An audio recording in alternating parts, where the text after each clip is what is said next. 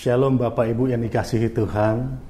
Salam sehat selalu dalam kasih dan anugerah Tuhan kita Yesus Kristus.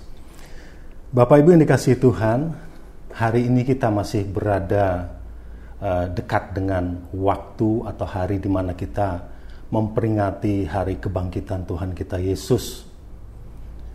Tentunya ketika kita mengingat kembali uh, Tuhan Yesus yang bangkit dari antara orang mati, tentunya tidak lepas juga ingatan kita kepada bagaimana dia memperlihatkan atau menampakkan diri kepada murid-muridnya untuk membuktikan bahwa dia sudah bangkit dari kematian. Nah, kali ini saya ingin mengajak kita semua kembali mengingat peristiwa dahsyat yang dialami oleh Eh, Maria Magdalena dan Maria yang lain, manakala ketika itu mereka hendak menengok kubur Yesus, dan saat mereka berada di kubur Yesus, mereka mengalami hal yang dahsyat dan luar biasa. Nah, tentunya kisah ini atau cerita ini merupakan cerita yang tidak asing bagi kita. Dan kalau kita membaca khususnya dalam Matius pasal yang ke-28 ayat 1 sampai ayat yang ke-10 atau satu perikop ini uh, ada banyak pelajaran rohani yang kita bisa dapatkan dari peristiwa ini. Tetapi pada pagi hari ini saya uh, ingin mengangkat tiga saja, tiga berkat rohani atau pelajaran rohani yang bisa kita dapatkan dari peristiwa yang terjadi pada saat itu. Kita tahu Maria Magdalena dan Maria yang lain, mereka datang ke kubur Yesus dengan satu tujuan, yaitu uh, menjumpai atau menengok atau ingin melihat Yesus. Dengan kata lain, tujuan mereka adalah Yesus. Nah, ini poin yang pertama. Mereka punya tujuan, tetapi Bapak Ibu yang dikasihi Tuhan, ketika mereka tiba di kuburan, terjadi gempa. Dalam ayat yang kedua dikatakan demikian, maka terjadilah gempa bumi yang hebat sebab seorang malaikat Tuhan turun dari langit dan datang ke batu itu dan menggulingkannya lalu duduk di atasnya. Yang saya ingin garis bawahi di sini adalah kata gempa bumi yang begitu hebat. Maria Magdalena dan Maria yang lain kalau saya bahasakan, mereka disambut. Kedatangan mereka disambut gempa yang dahsyat. Saudara yang dikasihi Tuhan, saya percaya bahwa Maria Magdalena dan Maria yang lain ini punya alasan. Punya alasan untuk bisa kabur atau lari, mundur. Tetapi karena mereka fokus pada tujuan mereka untuk bertemu dengan Yesus. Mereka tidak mundur, meskipun mereka harus menghadapi gempa bumi yang hebat tersebut. Bisa saja, sebenarnya bisa saja mereka lari, melarikan diri pulang kembali, dan merencanakan, ah besok aja. Tetapi tidak demikian yang mereka lakukan. Mereka tetap dan mereka bahkan bertahan. Itu pelajaran yang pertama yang kita dapatkan dari peristiwa ini. Maria Magdalena dan Maria yang lain, mereka punya tujuan yang sama, yaitu ketemu dengan Yesus. Bapak Ibu yang dikasihi Tuhan dalam perjalanan hidup kita di dalam dunia ini, tentunya kita juga uh, pernah mengalami seperti apa yang dialami oleh Maria Magdalena meskipun yang mereka alami pada saat itu uh, gempa secara secara uh, gempa yang ya, uh, peristiwa alam ya yang terjadi pada saat itu tetapi karena mereka fokus kepada Yesus. Karena tujuan mereka bukan ngurusin gempa tujuan mereka berjumpa atau melihat Yesus Demikian juga dengan dengan kita.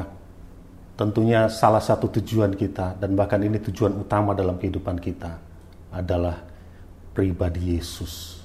Dan dalam perjalanan hidup ini mungkin saja kita mengalami gempa dalam bentuk lain. Katakanlah itu sakit penyakit, masalah ekonomi, masalah pekerjaan dan lain sebagainya. Kita belajar seperti Maria Magdalena. Mereka tidak bergeming, mereka tetap bertahan pada tujuan mereka. Mereka tetap fokus kepada tujuan mereka. Sehingga pada akhirnya kita tahu kuasa kebangkitan itu mereka alami dalam kehidupan mereka. Itu poin yang pertama. Kemudian poin yang kedua yang kita bisa pelajari dari peristiwa yang terjadi pada saat itu. Dalam ayat yang ke-9 saya akan bacakan demikian. Tiba-tiba Yesus berjumpa dengan mereka dan berkata, "Salam bagimu." Mereka mendekatinya dan memeluk kakinya serta menyembahnya. Sekali lagi, tentunya kisah ini tidak asing bagi kita. Pada saat Maria Magdalena dan Maria yang lain itu ke kubur Yesus, mereka mengalami hal yang pertama tadi, terjadinya gempa dan yang yang yang yang uh, selanjutnya malaikat Tuhan memberi pesan kepada mereka supaya mereka berdua pergi ke Galilea. Dan dalam perjalanan Yesus menjumpai mereka dan apa kata Yesus pada saat itu Yesus katakan salam bagimu pelajaran yang kedua kita dapatkan dalam ayat ini Maria Magdalena dan Maria yang lain merespon salam Yesus dengan sikap yang benar. Dalam terjemahan lain kata salam ini memakai kata damai sejahtera dan keselamatan.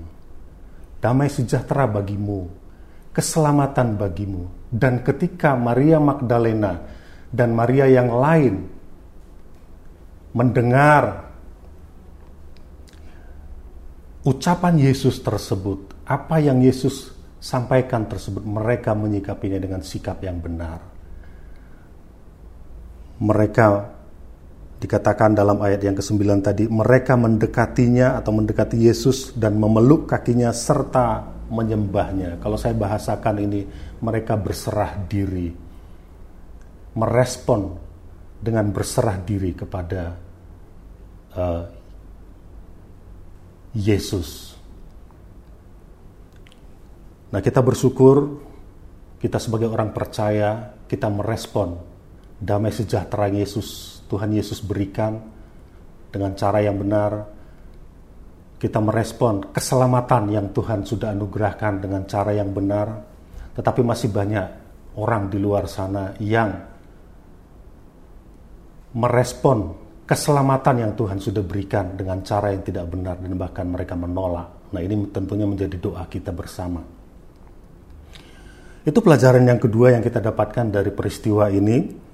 Ketika Yesus melepaskan damai sejahtera untuk mereka, ketika Yesus melepaskan keselamatan kepada mereka, mereka meresponnya dengan berserah diri kepada Tuhan Yesus. Kemudian yang terakhir atau yang ketiga, dalam peristiwa yang terjadi pada saat itu.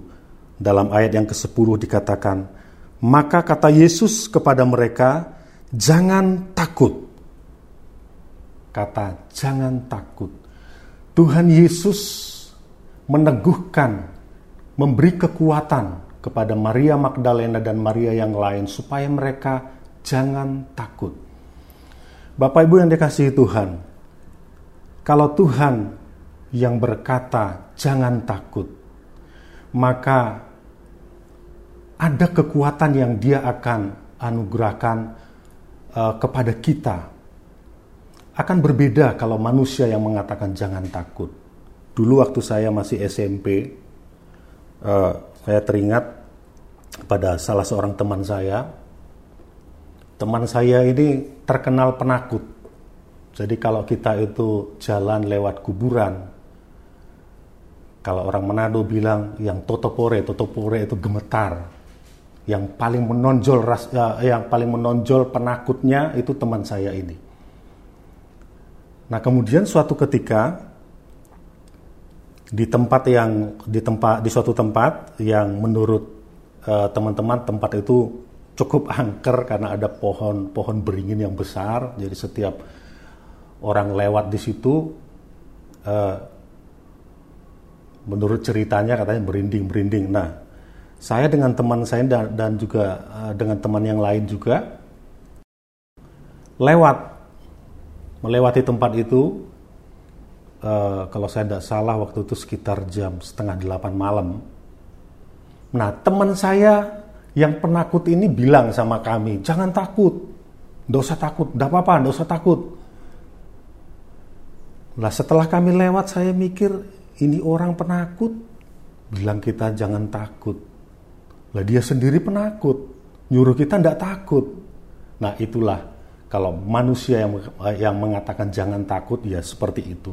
Tapi kalau Tuhan yang berkata jangan takut, maka ada jaminan di dalamnya. Itu yang disampaikan Tuhan Yesus kepada Maria Magdalena dan Maria yang lain pada saat itu. Dan saya percaya itu jugalah yang Tuhan sampaikan kepada kita yang hidup pada masa sekarang ini. Karena kuasa kebangkitan Yesus itu bukan hanya untuk Maria Magdalena dan Maria yang lain, tetapi untuk kita juga kuasa kebangkitan itu nyata. Oleh sebab itu, jangan takut. Apa yang membuat kita takut dalam menjalani hidup kita dari waktu ke waktu? Tuhan katakan, jangan takut. Jangan takut. Mungkin saat ini kita sedang mengalami sakit penyakit yang menurut ukuran manusia itu mengkhawatirkan. Tapi Tuhan katakan, jangan takut. Mungkin ada di antara uh, bapak, ibu, saudara yang mengkhawatirkan masa depan anak. Tuhan katakan, jangan takut. Dan biarlah berkat kuasa kebangkitan Tuhan Yesus yang dialami oleh Maria Magdalena dan Maria yang lain juga kita alami di hari-hari ini. Tuhan Yesus memberkati.